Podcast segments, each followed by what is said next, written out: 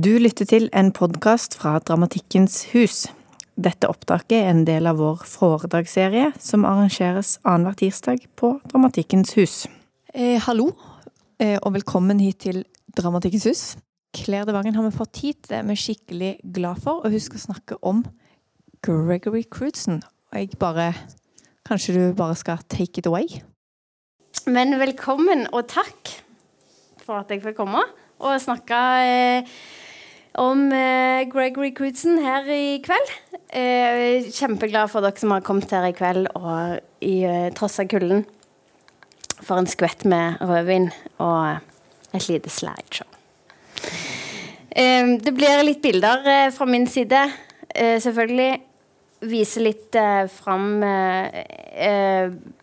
av uh, Gregory Crudson sitt uh, kunstnerskap. Jeg kommer ikke til å si så mye om hvor bildene er fra de forskjellige seriene. Uh, det kan vi eventuelt snakke om etterpå hvis man har lyst til det. Jeg prøver egentlig å nøste hans kunstnerskap litt inn i det jeg gjør. Um, og prøve å lure inn så mye av mitt eget arbeid som mulig. For det er egentlig det jeg har mest kompetanse på. Jeg er ikke noen ekspert på uh, Crudsen. Og det var egentlig en stund siden sist jeg hadde tenkt på han når jeg fikk en forespørsel her fra Mathilde og fra Dramatikkens hus om å snakke om noe. Eh, min første hunch var at ingen hadde snakket om en visuell tilgang eh, og en visuell, rent visuell inngang til teaterarbeid. Og da tenkte jeg at det er noe jeg benytter meg veldig av, og ofte har som en første impuls, og da falt altså valget på Crudsen. Jeg er både personlig og faglig interessert i hans arbeid, og det var fint å komme tilbake igjen og se Besøke igjen um, hans kunstnerskap og gjenkjenne hvor det er jeg har hatt mine triggerpunkter i forhold til hans arbeid. Um, jeg finner i hans um, arbeid uh, veldig mye taktilitet og rom. Uh, er, jeg kommer til å snakke litt om, om lys og hans åpenbare storskalaprosjekter etter hvert. Men mest av alt så er jeg veldig fascinert av hvor um, teatrale bildene hans framstår, og hvor mye de um, Hvor mye de bringer av uh, sanseopplevelse. Bare vise litt bilder nå. Det er jo strålende for denne podkastsituasjonen. Kanskje jeg skal si litt om, om bildene. Eh, først så viser jeg et av de um, vante motivene til Gregory Crudson, som er eh, småbyliv i USA. Es, eh, Midtvesten med hans eh, nokså ikoniske bruk av eh, biler og vinduer dører som scene. Jeg har prøvd å lage en slags um, analyse av egen, min egen lesning. Sånn som vi ser på bildene etter hvert, så, så, kommer jeg til å si litt om uh, hva jeg sjøl går inn i og har brukt mye tid på i hans bilder. Um, og de spørsmålene jeg har stilt meg, der er veldig mye detaljer i uh, Gregory Cruisen sine bilder, og ikke minst så vet vi om bildene at han er enormt opptatt av detaljene. og jeg har styring på absolutt alt. Dette bildet her har eh, byen blitt stengt etter en snøstorm på hans eh, ønske. Eh, og snøen har fått ligge til det rette tidspunktet i forhold til lyset. Og lysene i vinduene er på der de skal, til den rette styrken. Og alle menneskene er plassert akkurat der de skal, og bilen kjører den ene gangen for å lage de ene sporene akkurat sånn som det skal være. Så Det som eh, jeg finner som spennende i hans bilder, er den her enorme detaljfokuseringen, og at man kan kjenne den gjennom bildene og gjennom de forskjellige motivene. Um, Crudson jobber òg på sett. At han bygger opp i studio, sånn at det blir enda mer akkurat sånn som han vil ha det. Um, I det bildet her så er det um, litt sånn titteskap innover og innover. I rammer innover og innover i bildet som um, på, i veldig stor grad ligner på en scene. Uh, man, får, man, leser det som en scene, man leser det som en, en scenisk hendelse. Jeg gjør i alle fall det. Og som publikum til denne scenen her, så kjenner jeg på denne gleden av å føle meg veldig kompetent. Um, uh, I forhold til å lese åpne dører, i forhold til å lese hendelser som potensielt kan finne sted, potensielt har funnet sted.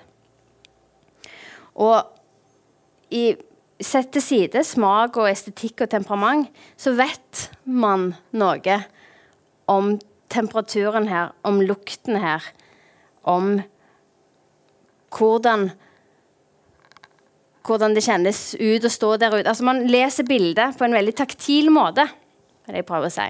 Og det fascinerer meg med Crudsen sine bilder.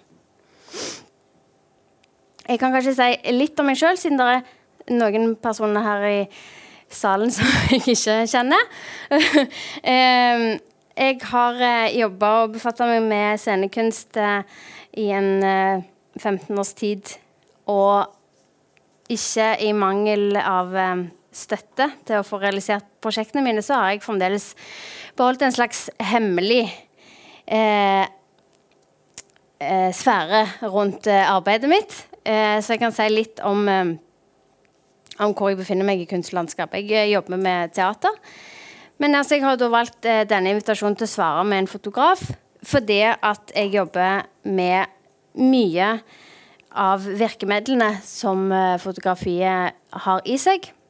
Øyeblikket og um, uh, språket. Jeg skal prøve å trekke litt eh, flere linjer inn i mitt eget arbeid for å prøve å forstå litt mer av dette arbeidet gjennom mitt eget arbeid.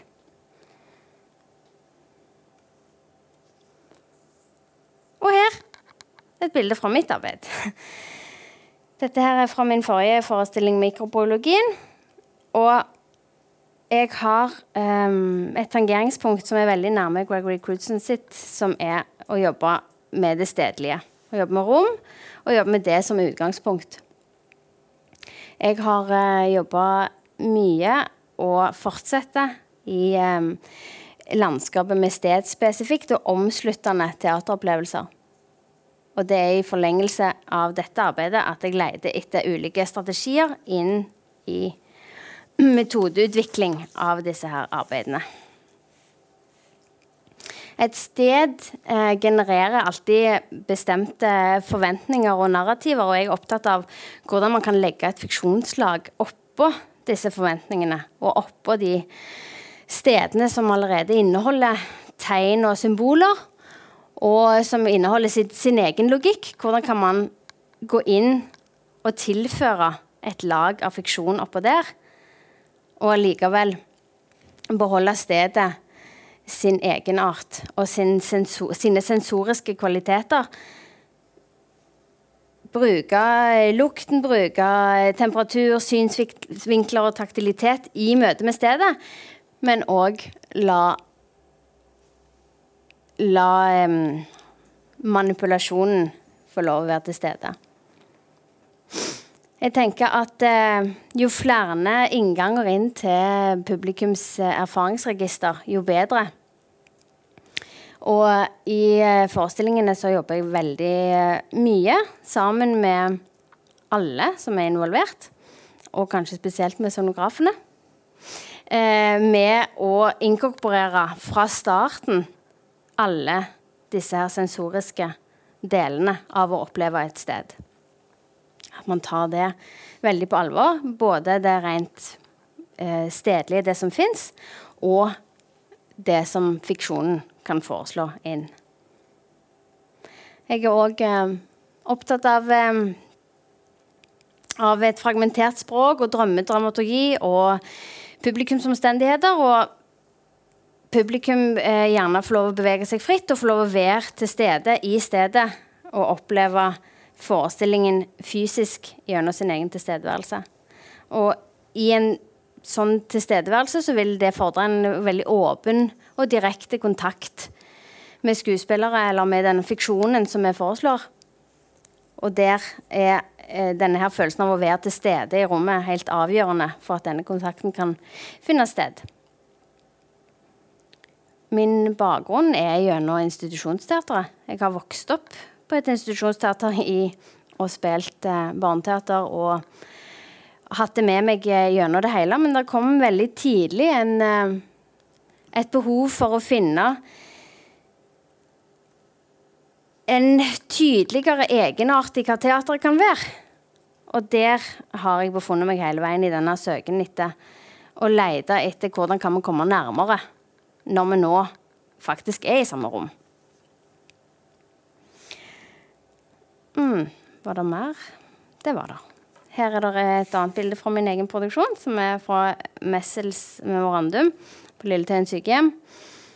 Uh, dette var den st første store uh, um, produksjonen hvor publikum fikk uh, i veldig stor grad være en del og omslutta av forestillingen i det at de var um, i stedet.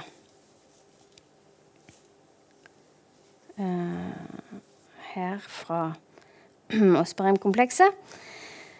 Som var ei trehytte vi bygde. Oi, jeg har jo ikke bilder av trehytter, men um, Selve tilstedeværelsen her handler om å være i treet. Og oppleve treet fra alle um, de um, taktile kvalitetene som den opplevelsen kan by på.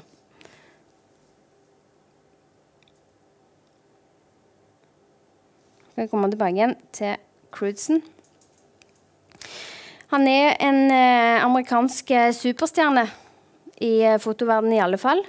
Og eh, nå egentlig mest berømt for de veldig forseggjorte storskalabildene av eh, amerikansk småbyliv. Eh, hvor produksjonene er av Hollywood-proporsjoner i både budsjett og, og størrelse og rigg. Men han jobber ofte med utgangspunkt i ordinære situasjoner, ordinære settinger i, um, i, små, i småbylivet. Hvor han da eh, foreslår situasjoner som på et sett og vis eh, har en surrealistisk og trykkende og nervepirrende kvalitet i seg. Um, her eh, I dette bildet her ser vi igjen bilen og et møte mellom mennesker som egentlig kanskje ikke møtes. Det er veldig typisk for uh, Crudsen, disse øyeblikkene av uh, fraventhet. Disse øyeblikkene av mangel på kontakt mellom uh, menneskene i bildene. Hvor hele settingen er veldig scenografert, lyset er veldig regissert. Um, det er bygd opp en stor forventning, og så er det egentlig ingen kontakter, ingen ingen hendelse i bildet. Bildet foreslår veldig mange lesninger, men han foreslår ingenting bestemt om hva som har skjedd før situasjonen, og hva som skjer etterpå. Det syns jeg òg er en veldig uh, åpen det er et bilde som rommer veldig mye informasjon uten å si noe som helst om situasjonen. Eh, det finner jeg veldig inspirerende. Hvordan begrensningene til fotografiet, det at fotografiet har denne her kun øyeblikksformatet, at det allikevel åpner en scene på denne måten eh, og lager et rom for et narrativ og for emosjoner. Og den her igjen taktiliteten i eh, motivet som gjør at man sjøl bringer med seg inn Bringer inn seeren i bildet, og du må bidra med veldig mye for å lese bilder. Det er jeg veldig glad i. Bildene er som regel detaljerte til det absurde, um, og uten å ha den her selvforklarende um, handlingen, men uh, stillferdige, cinematiske tablåer. Han bruker òg uh, de cinematiske konvensjonene i bildene sine, men uh, jeg opplever at han aldri er bundet av disse cinematiske konvensjonene, fordi at han skal ikke fortelle en historie, han skal kun komme så nærme dette frosne øyeblikket som mulig. Og det i seg sjøl gir en potens til historien som man sjøl bringer med. At du får ingen forløsning. Du får bare denne her svangre settingen. En skarpe, store enkelhet.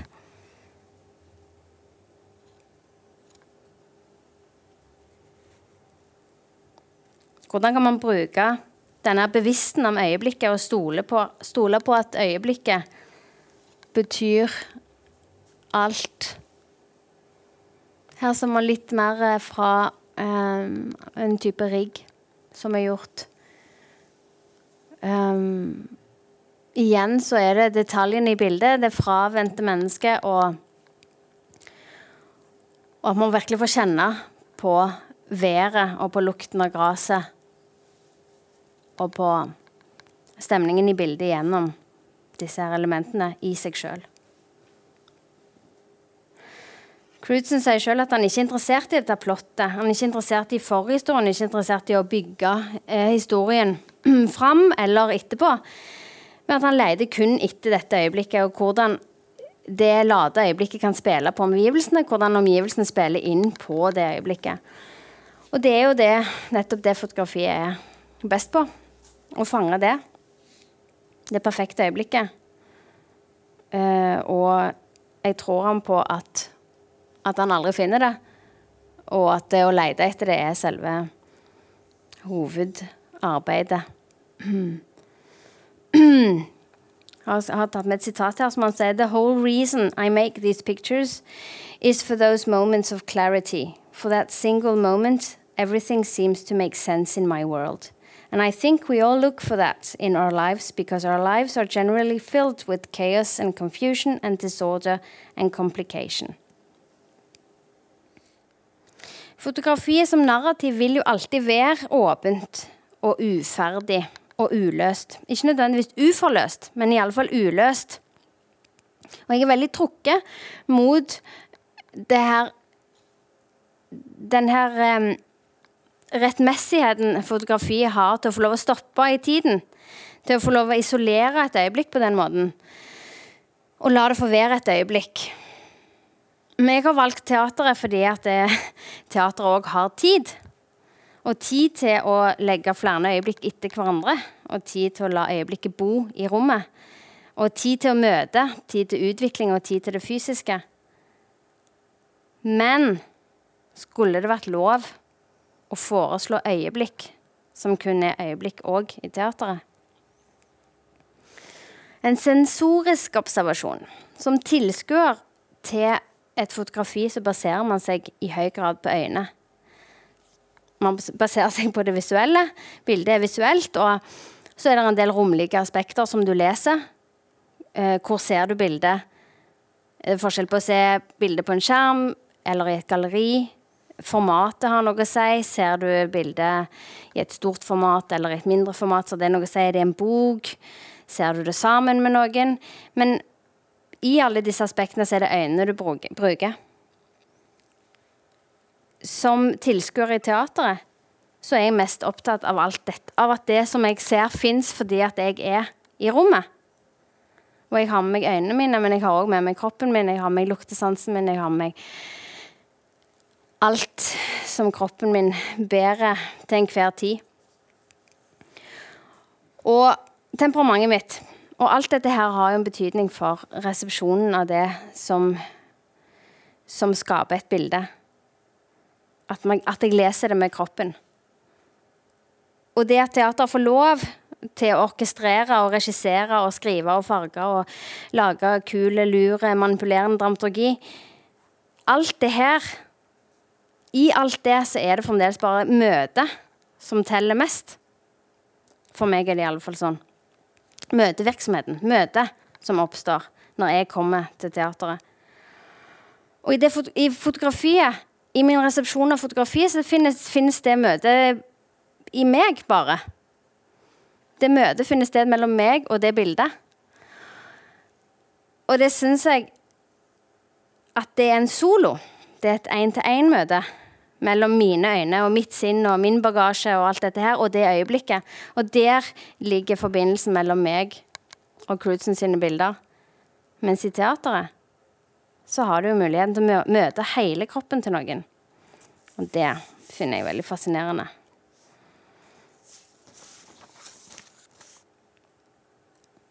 Hei. Mange små kropper her fra Stasjon 75. Det var mitt, mitt bilde, mitt prosjekt. Um, jeg skal eh, si litt om møtet i denne uh, lille forestillingen her, som fant sted på et lite glemt hjørne på Adamstuen. Uh, den var spesiallagt for uh, aktivitetsskoleunger så altså i alderen andre til fjerde klasse, de har en veldig stor akseptering for at øyeblikket er det viktige. Så vi lagde en forestilling her som baserte seg bare på øyeblikk etter hverandre. Hvor de ikke hadde noe Rekkefølgen var ikke styrt av øyeblikkene sin organisering. Det handla bare om å være til stede med de der og da. Og stole på at den sanselige og visuelle og kroppslige opplevelsen ble ivaretatt. Det er så mye lettere å få til med unger som gir lov til å legge de konvensjonene som vi vanligvis har, vekk. Jeg skal komme bitte litt tilbake igjen til um, Gregory Crudson og snakke litt om han. Um, den historien som oftest blir fortalt om Gregory Crudson, er hans bakgrunn. Um, hans tidlige bakgrunn, hans eh, grunnhistorie, hans grunnmateriale, som handler om eh, hans barndom. Eh, han vokste opp i New York i et sånt brown house. Brownstone House? Brownstone heter det. Eh, og han, eh, hans far var psykoanalytiker og hadde praksis i underetasjen på dette huset. Og Crudson forteller villig vekk om sin eh, store interesse for faren sin jobb. Eh, uten noen gang å få vite hva faren sin jobb var, så skjønte han veldig tidlig at det hadde med hemmeligheter å gjøre. Og det, hadde, det var utenfor hans hørevidde, og at han lå på stuegulvet oppe og prøvde å få brokker av disse historiene. Han hørte sannsynligvis aldri noe av det som ble sagt, men at de bildene han sjøl har produsert siden, handler om å prøve å fortelle de historiene han trodde han kanskje kunne ha hørt på gulvet eh, over sin fars kontor. Så eh, Det er et ganske gøy bakteppe å ha når man ser eh, bildene hans og de valgene han gjør for bildene og de historiene han velger å fortelle igjen og igjen, som veldig ofte handler om ting som skjer unna. Og et eh, kanskje uventa, mystisk element som man aldri helt får tak på. I et intervju så eh, ble det foreslått at eh, han hadde valgt den helt omvendte karrieren enn sin far. At der psyk psykiateren får historier fra folk som psykiateren prøver å tolke og gi tilbake igjen i en mer leselig form, så, vil, så, var hans jobb å foreslå historier og la publikum, eller la seeren, få um, lese inn mening i bildene. Men til dette så svarer han uh, sjøl at um, han òg i sine bilder gjerne vil være en slags terapeut som ikke nødvendigvis tolker eller leser inn meningen for deg, men som foreslår et bilde, og at du som seer skal kunne si hm når du ser bildet. At det blir et slags sånn terapeutisk hm gjenkjenning uten å nødvendigvis sette ord på det du gjenkjenner. Men det er den reaksjonen han egentlig syns ville være perfekt.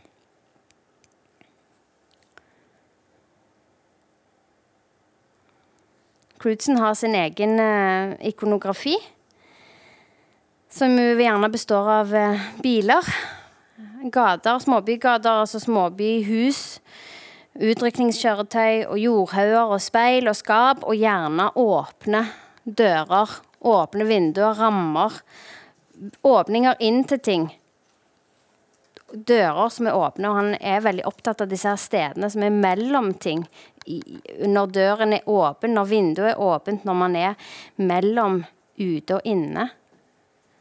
Eh, det syns jeg eh, Det er et, eh, et, grep som kommer igjen og igjen, og som, som kanskje merker seg aller mest når han begynner å jobbe i akkurat skumringstimen, som han òg beskriver som sånn, et sted som er mellom steder. Hvor du både får en veldig stor symbolsk gevinst av å jobbe i, i skumringstimen, men òg at du aller best kan orkestrere ditt eget lys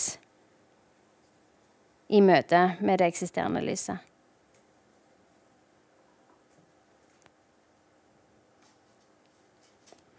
Ja, litt om eh, Crudsen sin inspirasjon. Han eh, var veldig ung når han så en eh, retrospekt av uh, Diane Arbus i 1972. Og har, uh, trekker veldig ofte fram hennes kunstnerskap som avgjørende for sine bilder. Uh, andre som han trekker fram, er både Edward Hopper og, Ed, og Walker Evans, som er pussig på sitt vis, fordi at det er store realister i Og de store realismenavnene fra amerikansk populærkultur da. Så um, det er fint å kunne se linjene hans til å ønske å ha en realistisk tilnærming i sin, sitt arbeid, som da får denne mystiske, teatrale og cinematiske tilsnittet hele tida. Han er åpenbart òg inspirert av uh, film, og nevner veldig ofte Hitchcock og Lynch. David Lynch. Her har jeg tatt med et bilde fra um, Psycho, fra motellet i Psycho. For det her er Gregory Crudson sin hommage, eller sitt spill videre inn i den historien. Jeg liker òg at uh, man kan fortelle noen andre sin historie videre. Og her har han valgt her, dette her um, motsatte motivet fra den skrekkelige dødsscenen i motellet til den her underlige, igjen fravendte øyeblikket. Fødselsøyeblikket. Ja, jeg skulle si noe mer om det, egentlig. For det, er jo en fin rundt-og-rundt-effekt med Crudson sitt uh, kunstnerskap.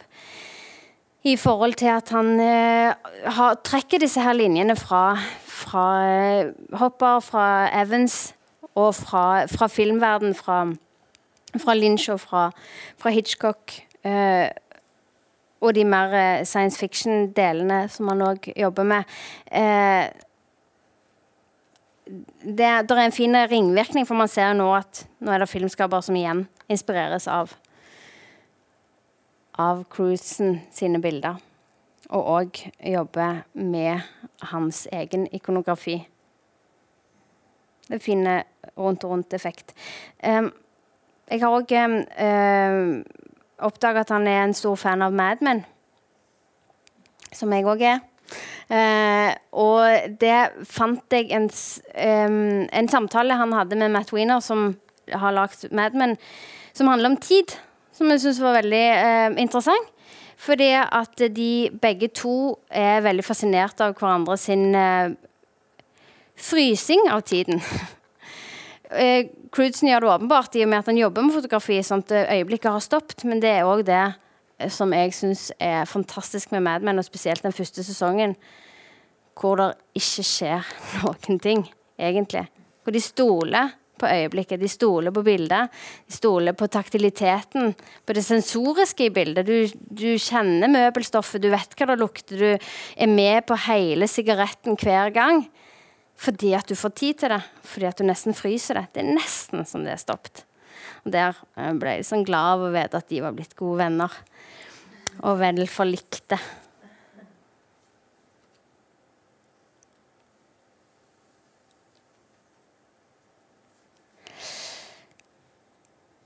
Ja. Spørsmålet her fra um, Dramatikkens hus og fra Mathilde var jo um, eh, å snakke eh, om en dramatiker. var egentlig den opprinnelige oppgaven. Eh, men fikk veldig fort et inntrykk av at det var en eh, vidåpen invitasjon. Og at det hadde noe om triggerpunkter og hva som har betydning, og hva som inspirerer, og hva som resonnerer. Og da Det er jo en raus innbydelse. Jeg håper jo at det har skapt og vil skape mange interessante og fruktbare samtaler. Men det er jo sånn at det på ingen tidspunkt i eh, mitt arbeid så har tekst eh, vært startsted for noe som helst. Eller jo, det er jo alltid en veldig viktig del eh, når man skal formidle det til noen andre. Når man skal formidle eh, søknader om det og prosjektbeskrivelse. Ordet kommer jo eh, veldig fort inn sånn. Men eh, tekst som kunstnerisk start har aldri vært en beveggrunn for det som jeg gjør. Og det er jo gjerne òg sånn Gregory Crudson jobber. Han jobber med en scene han vil lage. Han jobber med en, uh, et startsted som uh, først blir født et helt annet sted enn i teksten. Og et startsted kan jo vokse og bli stor og fæl og uregjerlig og umulig eller puslete og ubrukelig, som startsteder gjerne gjør. Men det å få lov å jobbe ut ifra noe som bare er øyeblikk, som i foto, det relaterer jeg meg til og prøver å få til. Jeg um, snakket nettopp her en dag um, om uh, startstedet for en forestilling som jeg gjorde uh, tidlig, som heter Drive-In. Som jeg tror jeg har bilde av her. Um, som var en stor og uh, Hva heter det um, Veldig fragmentert forestilling med mye bilde, billedbruk. Um, startstedet den forestillingen var ikke bildet, og det var ikke et ønske om en postdramatisk eh, strategi eller sånt. Eh, startstedet for den forestillingen var et forsøk på, på å finne det øyeblikket Øyeblikket som forekom så viktig for meg eh, som ungdom. Når man fikk lov å låne sin svigerfars bil, og man kjørte og kjørte og kjørte rundt i denne Volvoen. Ikke en veldig eh, bærekraftig fritidssyssel, men eh, det var 90-tallet. Det var i Stavanger til og med. Og eh, fossile brennstoff var vår forbanna rett. Men drive-in Å kjøre rundt og rundt, og ikke i Stavanger, selvsagt, men å kjøre rundt og rundt på Jæren i disse her storslagne landskapene, og egentlig ikke tenke så mye på hvor storslagent det er, men merke det veldig dårlige og skiftende været, og merke at eh, kvelden aldri tar slutt, og at strendene er der, og at haugene er der, og at du kjører, og det kommer skodder. Og det kommer den perfekte sangen på radio, som bare akkurat lager soundtracket til den du er, til det du er, i det du kjører. Det var startstedet for den forestillingen. Det er jo bare det. Så hele forestillingen handla egentlig om å fremkalle det øyeblikket. Og forestillingen besto av masse andre greier, og damer i gule kjoler, og neonlys og publikum i biler og lyden på radio. Vi sendte lyden på FM-båndet, faktisk.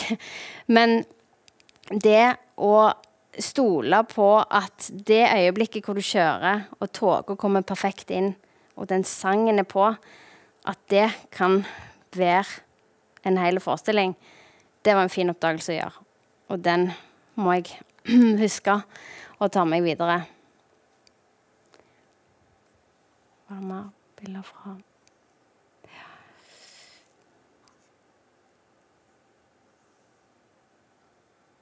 Nei. Jeg har tatt med et, um, en liten uh, snutt her hvor um, jeg, jeg, snakket litt om konvensjoner. For jeg prøver å, uh, i dette den, tankespinnet rundt uh, Crudsen så har jeg prøvd å tenke på hva, hva er forskjellen på konvensjonene med å lese et fotografi og eh, en teaterforestilling.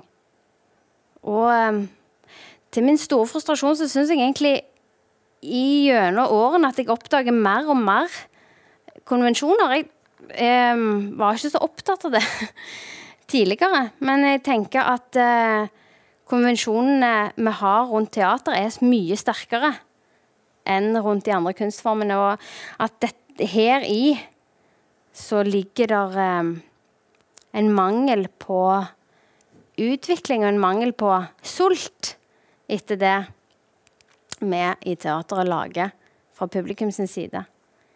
Jeg er ikke en veldig bryte regler-person. Det har aldri ligget i min natur. Jeg er ikke glad i å bryte regler i det hele tatt.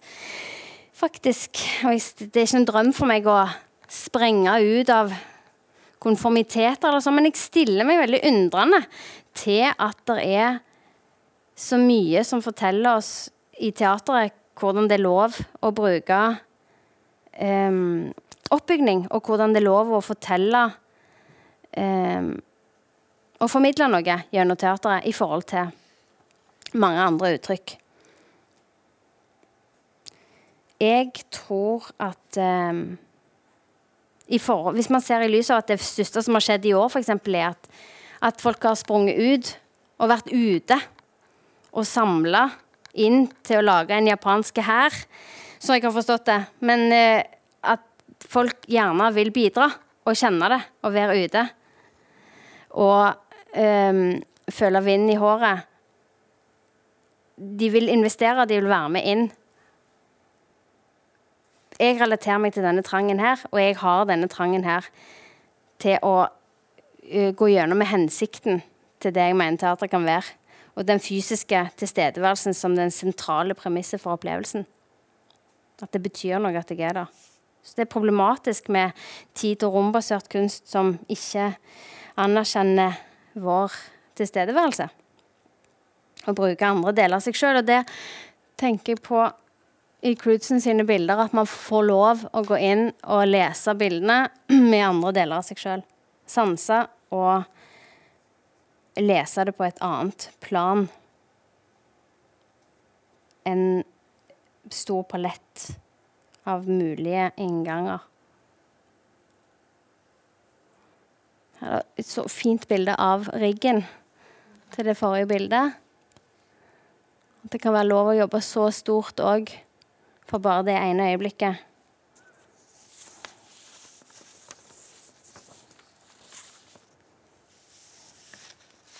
tenker at Teateret har jo flest triks av alle. Og så er det ikke Det er liksom ikke rom for å ta det i bruk alltid. Og det tenker jeg at jeg blir inspirert av at man for det øyeblikket tar i bruk så mange triks. Og at jeg sjøl har så mange i ermet. Det er så mye møysommelighet i detaljene. Så mye nysgjerrighet.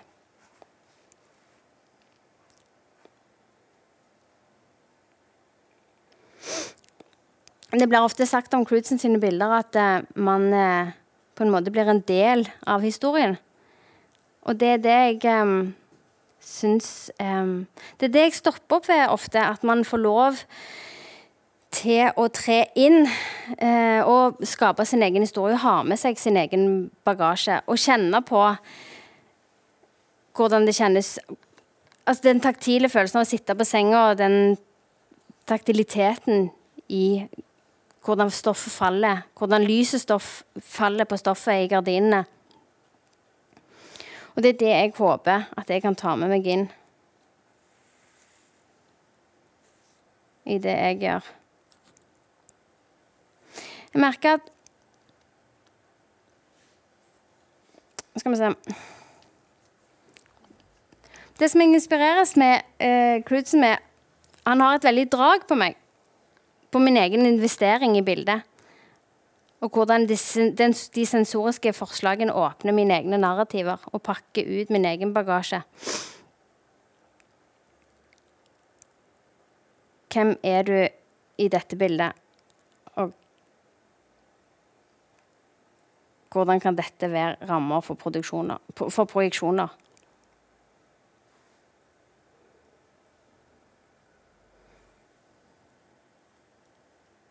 Kan det tenke seg at man kan bygge det øyeblikk for øyeblikk? Feil vei.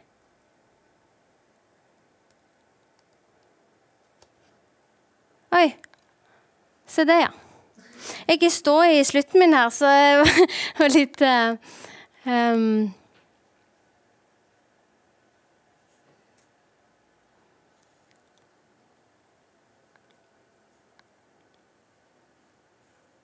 Jeg skal gjøre en bitte liten eh, konklusjon som eh, kom veldig seint her i arbeidet mitt med denne lille snakken. Um, jeg besøkte Crudsen igjen for å snakke om det nå, uh, og ser jo at uh, min fascinasjon av han veldig ofte har med øyeblikkene å gjøre.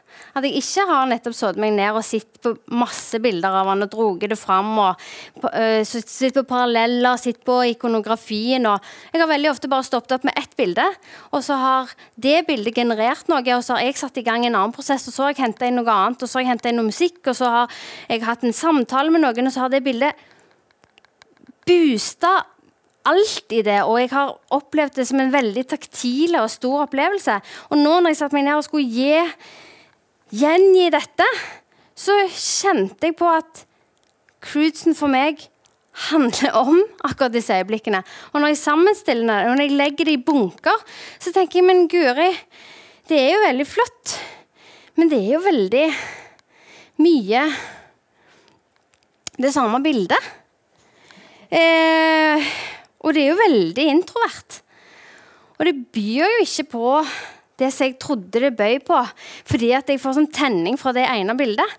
Og det, det, det har jo en veldig flinkhet i seg og en veldig insisterende tone. Det insisterer på noe, og det, det er en rik Det er en stor insistering. det er mye i det, men er det en nysgjerrighet i det? Er det en nysgjerrighet fra hans side? Til å gå videre i noen av bildene. Og det oppdaget jeg at jeg ikke finner. Og jeg skulle, fi jeg skulle finne den veien i det å lage denne her eh, presentasjonen for dere, så skulle jeg finne den veien videre, hvor han virkelig Her ser jeg at han går videre, og nå er han på vei. Og så ser jeg at jeg mindre og mindre klarer å holde min egen gnist oppe i et sted hvor jeg opplever at hans nysgjerrighet ikke er der jeg klarer ikke å lage en konklusjon på det. Jeg klarer bare å legge for dagen en oppdagelse av at når man legger alle disse bildene ut på, på bordet og ser på insisteringen, så kan man kose seg over det. Men veien videre for meg blir å gå forbi det. Blir å gå videre og finne ut hva jeg sjøl blir nysgjerrig på, snarere enn å finne svaret her hos Crudsen. Det var det jeg hadde med meg.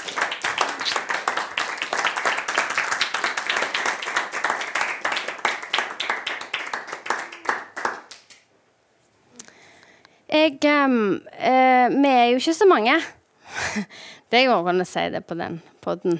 Uh, så hvis man har lyst til å bare prate litt i hvilken som helst retning, så er jeg åpen for det. Men jeg vet ikke hva du sier.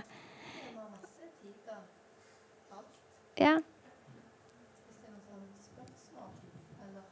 Betraktninger eller spørsmål eller hva som helst i forhold til til noe jeg har sagt. Kan jeg spørre om noe? Ja. ja.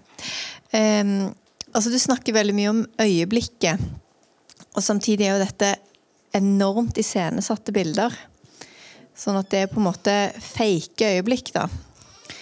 Uh, og jeg sitter og lurer litt på altså Kanskje ikke akkurat det bildet som er framme nå, men et par av de er jo så iscenesatt at de nesten ligner malerier. Sånn at jeg lurer litt på hvorfor er det viktig at det er eh, fotografi? Altså, Siden han har vært sinnssykt god til å male, liksom. Men hva er det som Hvorfor er det viktig at dette på en måte er et, et øyeblikksbilde som faktisk er òg et knips, når det er så iscenesatt, da? Om du kan si noe om Altså hvorfor det ikke er et maleri. Ikke hvorfor- det ikke jeg skjønte. Jo, nei da. Nei, nei, men, men egentlig mellom forskjellen mellom det iscenesatte og det, det eh, tilfeldige, som jeg, som jeg forbinder mer med et øyeblikk, da. Eller et, noe som oppstår. Um, og dette er jo oppstått, men det er veldig i- Et planlagt øyeblikk, ja. Ja, eh, det er jo litt av lesningen i bildet, er jo nettopp det at det er veldig oppstilt. At det har en sånn iscenesatt At det i seg sjøl òg gir kraft til motivet. At man leser det på en bestemt måte òg fordi at det, det nettopp ikke er tilfeldig. At alle elementene får sin egen lesning i det. Jeg ser jo på det som en av, en av de tingene som drar meg inn. At det er at man går inn som Nettopp som du sier, et maleri. At man går inn og sier ja, men her og ja, men her er det har valgt Disse valgene gjort, og det er så mange så mange vinduer der, og så reflekteres Altså, den måten du leser det på, vil jo ligne på måten du ofte leser malerier på. Men jeg tenker at eh, den realismen som du får i fotografiet, òg spiller inn i det scenarioet her. At, du, at det nettopp oppleves som et sted. Uh, og det uh, stedlige i hans bilder er veldig sentralt òg. At du får en lesning av hva sted det er. No- og både i de større motivene hvor man jobber stort og landstrakt, alt er veldig skarpt. Alt er veldig til, til, stede i bildet, og veldig valgt inn i bildet. Eh, og hvis man da beveger seg helt ned på de mer De mindre konsentrerte og veldig interiørbildene hans, så, så vil òg stedet være veldig framme. Man leser det som en scene, men du føler òg at stedet har en veld, veldig stor plass. At det ikke kunne ha vært annerledes, at det spiller veldig av stedet. Det er jo òg hans arbeidsmetode, at han bruker enormt mye tid på å finne stedet, og så skapes motivet til stedet. Det er ikke han som stager. Byen er sånn han er, og alle på bildene bor i den byen. Men kulissene sånn, for eksempel, når han jobber i studio, hvordan jobber han da? Har Når, han, når han bygger sett, ja, ja, da er det enten så har han funnet et sted ute som ikke er perfekt Ja, for han, sånn at han på en måte bare gjenskaper det inne. Eh, men andre ganger så er det Han vet akkurat hva farge det skal være på tapeten. og Altså, Da jobber han som en scenograf Ja. og maler ut alt i minste detalj. Så ja, for har han her helt klart planlagt absolutt alt, eller er det noe improvisasjon? Nei, han jobber ikke med improvisasjon i det det hele tatt. Han har ikke tegnet eller noe? Liksom. Nei, det er aldri tegnet. Det er tatt ett polaroid før han stager alt Ja, og så det er i hodet, på en måte. Mm. Ja, ja. Mhm. Men du sa de menneskene han bruker, er de menneskene som bor på stedet? var det du sa? Ofte er det det. Noen ganger er det Det er veldig sjelden. Er få ganger han bruker noen skuespillere. Ellers er det um, amatør... Altså Line-produseren han ser på mange av bildene, og altså, han drar inn de som er rundt seg. Men mm, oftest så er det disse her i Pitts, Pittsburgh, tror jeg det heter, den stedet. som er i nærheten av hans barndomshytte. Massachusetts. Hvor- Hvordan velger du steder? Eh, Det har vært litt varierende. Noen steder er litt tilfeldig. At man eh, plutselig får tilgang på et sted. Eller så er det en eh, dragning mot stedet som sted. Og de gangene det lar seg gjøre, så er det absolutt det som jeg liker best. Å få lov å velge et sted å gå inn og jobbe. Det får jeg ikke så veldig ofte gjøre. Men de gangene jeg får gjøre det, så syns jeg det er veldig, veldig flott. F.eks. det fra sykehjemmet som, som du så bilde av. Det er et nedlagt sykehjem oppe på Tøyen.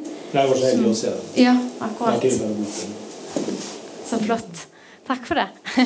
At du var der. For det var en veldig spesiell opplevelse og veldig mange ting som falt på plass for meg og de som jeg jobbet sammen med den gangen, og som har lagt mye føringer for arbeidet i forhold til å få tilgang på så mye materiale som vi gjorde der. Så Ja, er en bratt veldig flott for å si det. Så jeg tror jeg så den to ganger. Takk for det. Jeg har jo scenografen til stede her i dag òg. der. Som, eh, vi hadde jo en bratt læringskurve på nettopp det å ta i bruk stedet og ikke ville for mye. For vi kom inn der med masse ideer om hva vi kanskje ville lage, og så lot vi i veldig stor grad stedet få lov å diktere Eh, Da gikk det jo eh, eh, altså Du laget jo en bok. Jeg har kjøpt den boken, for jeg kjente den skuespillerne. eh, Så jeg fikk bestilt den i etterkant. Men, men da går du jo inn og gjør øyeblikk av den forestillingen. Ja, Det glemte jeg å nevne. det? Hadde jeg notert meg her. At jeg også skulle nevne at jeg har eh, bodd, eh, levd og jobbet eh, med en fotograf i 23 år. Sånn at eh, det er jo en klar eh, eh, Det er veldig til stede eh, hos oss, eh, foto. Og jeg bruker det òg veldig mye sjøl i arbeidene. Både i forhold til dokumentering, men mange ganger så kommer ideene som, som et foto. Altså som et motiv, og så jobber man ut. Det ene bildet jeg hadde her fra Messel, var jo har, Jeg har jobba mer med strategier som har med å få lov å, å fryse ting, da. Så dette her var en scene hvor jeg skulle fram til det bildet der. Så hele scenen var egentlig bare lagd for å komme fram til det. Eh, hvor vi jobbet med Og det har jeg gjort på den forrige forestillingen lagde òg. Jobbet med tegneserie som eh, strategi. Og så at jeg er egentlig veldig interessert i hvordan de kommer seg her til. Men når de kommer her, så står de sånn. Altså det frys, det er det bildet der. Eh, mer som en eh, åpning av en annen måte å lese handling på. En annen måte å bevege seg i tid på. En annen måte å, å la tid oppføre seg på forskjellig vis. For det har vi veldig mye mange parametere sjøl på hvordan man kan lese tid. Så det her, ja, det her handler jo bare om å komme fram til akkurat det bildet i bildet. I den scenen. Eh, Men er det litt sånn slik i ditt arbeid òg, pluss at han ofte finner stedet, og så tilpasser han prosjektet til stedet? Eh, opplever du det, for Du sa at tekst ikke er førende for ditt arbeid. Men er det ofte sånn at du da finner stedet først, og så tilpasser du et prosjekt stedet, eller har du et prosjekt, og så finner du stedet etterpå? Hvordan Eh, Det har vært litt eh, blanding, det Ja. Um, det siste prosjektet jeg gjorde nå, hadde en veldig stor grad av krasj mellom prosjekt og sted. Uh, som uh, jeg egentlig fant uh, ganske fruktbart. Når man, man eh, omfavner premissene. Mm. men der hadde jeg en veldig klar idé på hva det var for et prosjekt jeg ville gjøre, og jeg kunne ikke finne stedet som passet til prosjektet. Eller jeg fikk ikke tilgang på steder som passet til prosjektet. Sånn at eh, eh, Og så dukket det opp et sted som var mer interessant enn å la prosjektet vente. Sånn at det da ble det en merge av disse her to ideene. Ideen om det nye stedet og ideen om det prosjektet. Så der, eh, der, var det, der var det begge deler. Mens andre steder så har eh, jeg, jeg fikk lage en forestilling inne i Kulturhistorisk museum eh, i deres utstilling. Uten å røre noe. Og uten å søle. Og uten å ta Og det var veldig sånn eh, Mange begrensninger. Men fullt inn i deres sted og deres objekter og deres enormt sterke estetikk og føringer for det man leser når man kommer inn i et sånt eh, hus, og vanligvis får lov å lese. Eh, og der er det klart, der la stedet absolutt alle føringene. Der hadde vi ingen andre ideer, annet enn at man prøvde både å kontrastere og følge med og lage en, en annen type lesning. Da, en, annen type, en annen måte å bevege seg gjennom et museum på. Med andre Et et annet fiksjonslag, da. Igjen. Men kunne du gjort det med teater? Altså, er det interessant? Og å gå inn i et teater og gjøre det. Ja. Ja, det kunne man gjort. Det, teater er kanskje det stedet som interesserer meg mest, minst. Eh, mest, minst, minst, ja. Eh, jeg har faktisk fått spørsmål om det, om jeg kunne gjort det inne på et teater. Det, da, det som er problem, nå, skal jeg, nå skal jeg si noe veldig kjedelig. Det som er, det som er så utrolig begrensende med å jobbe med teater, er at de har hele denne HMS-opplegget liggende på seg. Det er kjempekjedelig. Men det er jo faktisk sånn at eh, man er her ute i det frie feltet og, og jobber litt sånn i all hemmelighet, så eh, kan man i veldig stor grad få lov å ha noe som lukter noe, og som kjennes ut som noe, og som skaper ubalanse, og som, som er interessant å bevege seg i. Mens eh, i teater så må du sitte fint, og så må det være utgang, og så må det være Ja, i det hele tatt. Men selvfølgelig, teatret kunne jo hatt mange innganger til å oppleves på en annen måte. Eh, Jeg har selv vært på en omvisning inne i, og bak i operaen som var mye mer Som satte mye mer spor enn noe jeg har sett på hovedscenen der. Selv om forestillingen kanskje ikke var sånn kjempeinteressant, så var selve omvisningen og det å få lov å være bak og unna og sånn Å få lov å være til stede. Men er det sånn at publikum i dine forestillinger har en slags funksjon som kan påvirke historien, eller For du nevnte nemlig at han Cruisen ikke brukte improvisasjon, men gjør du det hvis publikum plutselig vil involvere seg da, i scenen? For de er jo der. Mm. Bruker, de, bruker dere dem Altså, er dere klar over at publikum er der i det dere gjør? Det er absolutt eh, en av hovednøklene til, til mitt arbeid. handler om å, å være, være vare publikum sitt temperament, og at publikum har alle disse forskjellige temperamentene igjen. Så vi lager forestillingen, så jeg har begynt å jobbe med, med, med to størrelser som som heter Britt og Øyvind. Som er, altså, hvor Britt er den som ikke liker noen ting, egentlig, som egentlig har kanskje blitt tatt med i forestillingen mot sin vilje, og som ikke vil svare hvis noen snakker, eller ikke vil at noen skal ta på, eller sånn. Eh, jeg ligner mest på Britt sjøl. Eh, for jeg er ikke så veldig glad i sånne interaktive ting i det hele tatt. Eh, ironisk nok. Men eh, eh, så har du Øyvind, som alltid skal gå og se hvor For hvis det er lov å bevege seg, så skal han alltid prøve å gjøre ting som ikke det er sikkert ikke lov, og, og de tingene der. Og at det er rom for både Britt og Øyvind på alle steder. Og at man er vare. At det temperamentet der har plass. Og at Øyvind ikke får lov å styre det, men at Øyvind er der. Og at han er hjertelig velkommen. Og at Britt òg skal føle at hun er en del av, av det på sitt vis. Og ikke kan gjerne føle seg uh, utenfor sin egen komfortsone, men òg være gjest. Mm. Så jeg syns jo eh, Vi snakket veldig mye om, om forestillingen. Det er jo det jeg kan mest om. Men eh, eh, jeg syns jo det med det interaktive er interessant. Og jeg ønsker veldig velkommen det som er interaktivt, og som publikum syns jeg det er veldig spennende å være i. Men jeg merker at når jeg, det jeg lager, så har jeg veldig behov for å ha kontroll. Og veldig, har behov for å styre publikum. Og er egentlig så veldig interessert i hva de har å si. Hva de har på hjertet. Så når man åpner opp for samtalen, så har det ikke så mye med samtalen å gjøre. Det er mer hvordan du føler deg når du får lov å snakke. Så der igjen så handler det mer om hvem du får lov å være, mer enn at jeg er veldig interessert i hva du har på hjertet. Som noen interaktive konsepter kan være et sånn community What do we feel-ting.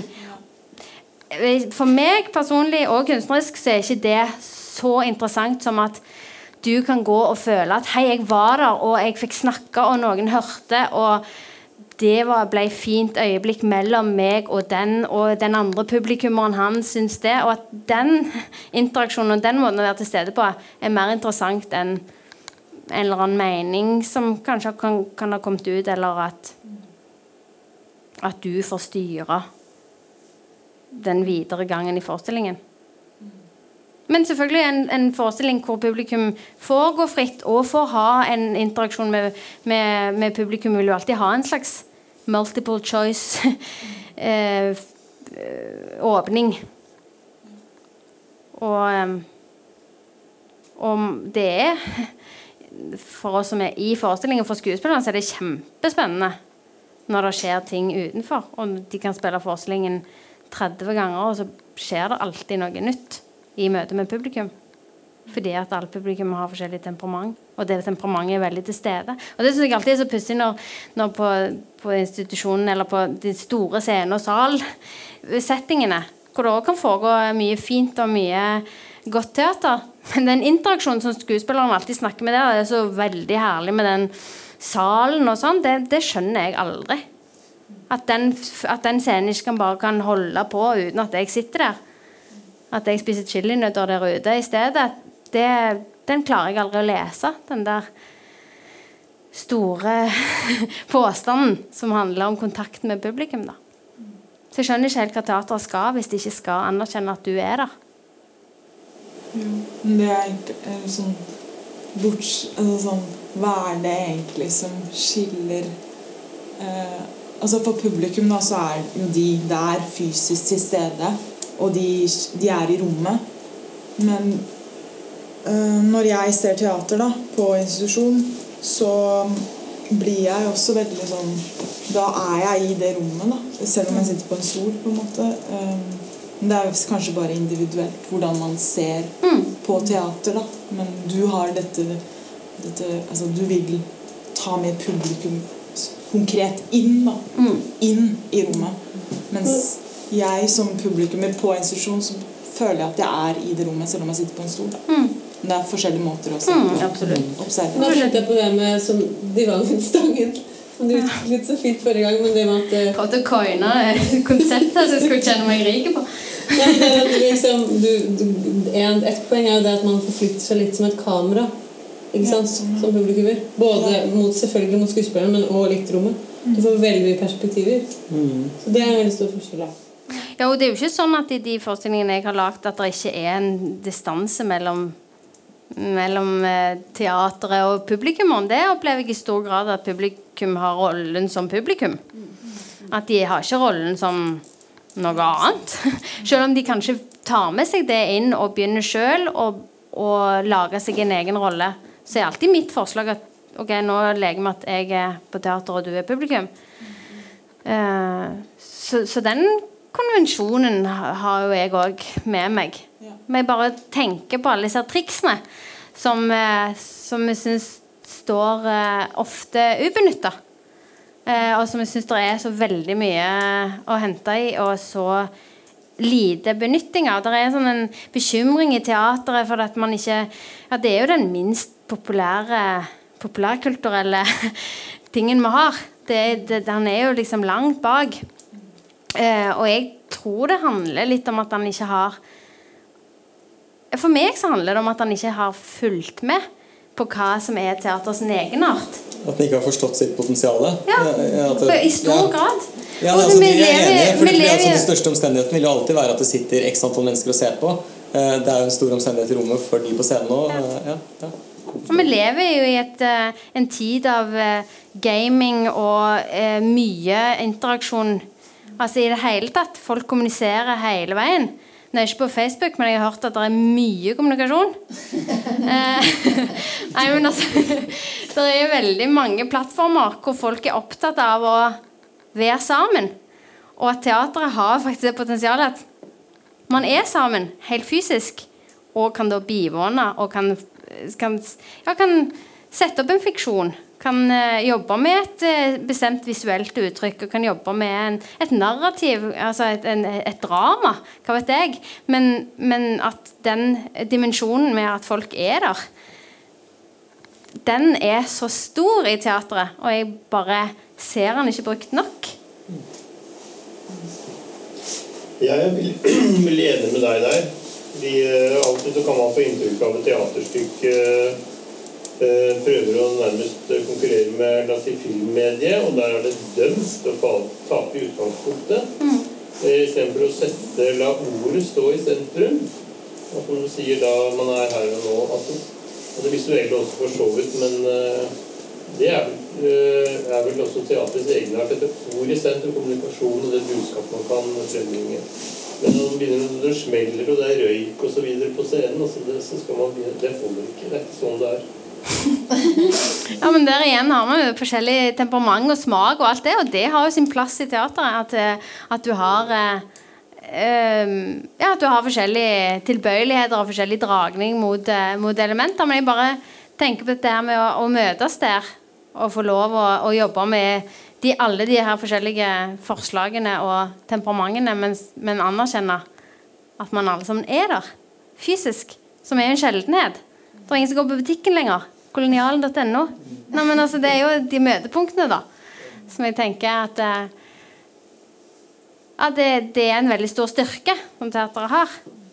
Det er de her rent fysiske. Det er jo veldig nærhet for det er levende mennesker som står på scenen. vil vel heller si at det er kroppen i, i, i Claire sine forestillinger så er det kroppen som står i, i sentrum, egentlig. Mye mer enn ordet, ja. Vi Ja. skal ikke krangle på det. Nei. Men det syns jeg var veldig fint når vi begynte å jobbe sammen, for det har jeg også savna i, i teatret. Akkurat det med den fysiske erfaringen og det at man kan liksom du kan liksom legge noen ting på gulvet, ikke sant? og så opplever du rommet annerledes. Fordi du går opp og du går ned, og du har liksom en usikkerhet. Plutselig kan du legge inn en usikkerhet der, eller en knirk i en dør, eller, eller liksom Det er fantastisk å få lov å, å være der og, og Og det er ikke måte på hva register folk har når det gjelder kropp. For du sier ordet. Vi alle har jo dette her kjemperegisteret bak her som knytter seg til ordene. Men det registeret som du har som knytter seg til kroppen, det er òg et helt unikt eh, et helt unikt eh, aspekt med teateret. At du har med deg kroppen dertil. Ordet har du når du leser og de andre tingene og ser på TV. Eller, men teateret får tilgang på kroppen din. Så det Lea sier i forhold til at de får tilgang på at du trør på noe ekkelt, og som rommer en helt annen erfaring og en helt annen bagasje for deg enn det det vil gjøre å høre noen fortelle om å trø på noe ekkelt. Jeg, Men sier den- deg, jeg sier deg ikke imot på det. Nei, nei. nei um, jeg vet ikke helt om det relaterer seg til ting jeg har snakket om nå. i det hele tatt. Men jeg, jeg tror jeg bare syns i forhold til cruisen altså, Grunnen til at jeg prøvde å dra inn dette her med, med kroppen og øyeblikk og prøve å få det til å henge sammen, handler om at jeg eh, opplever i hans bilder at han tillater seg å stole på at folk bruker bagasjen sin. Og det er det jeg prøvde å lage en link til i forhold til det å eh, Skal vi si Ikke bare min Altså det å så gå inn og investere fysisk i det bildet. Og det, det gjør i alle fall jeg når jeg ser det. Jeg har en veldig sånn kroppslig forståelse av det mennesket som står der. Av hun som står der. At du leser det ikke intellektuelt. Du leser det på alle, med alle de andre tentaklene som du bruker for å oppfatte noen andre sitt narrativ eller sitt, sitt forslag. Men det kan jo være meg, da, og mitt temperament. at jeg har lyst til å stå på det gresset, at jeg har lyst til å kjenne det, og at jeg vet hvordan det lukter der nå. For det kanskje er litt fuktig i grusen. Altså, jeg vet ikke om det er meg som er i overkant opptatt av det, av det taktile, men det er i alle fall for meg en inngang til disse bildene, som du sier, som er så staged, som er så veldig iscenesatte. At jeg tenker at det er en grunn til det. Det er fordi jeg skal lukte den grusen. Det er fordi jeg skal kjenne at de der inne, de har spist akkurat fordi klokka er sånn, og at du leser historiene. Og da lukter det jo rosenkål hos de. Ja. Kanskje vi skal la det bli siste ord. Rosenkål. Fint. Fint siste ord. Tusen hjertelig takk for at du kom, og takk. vel hjem i kulden. Det går an å ta seg en, en enhet eh, hva man vil på Oslo Mek og skravle videre hvis man har lyst til det. Tusen takk for i kveld. Du har nå hørt en podkast fra Dramatikkens hus. Har du lyst til å høre disse foredragene live? Sjekk ut våre hjemmesider dramatikkenshus.no.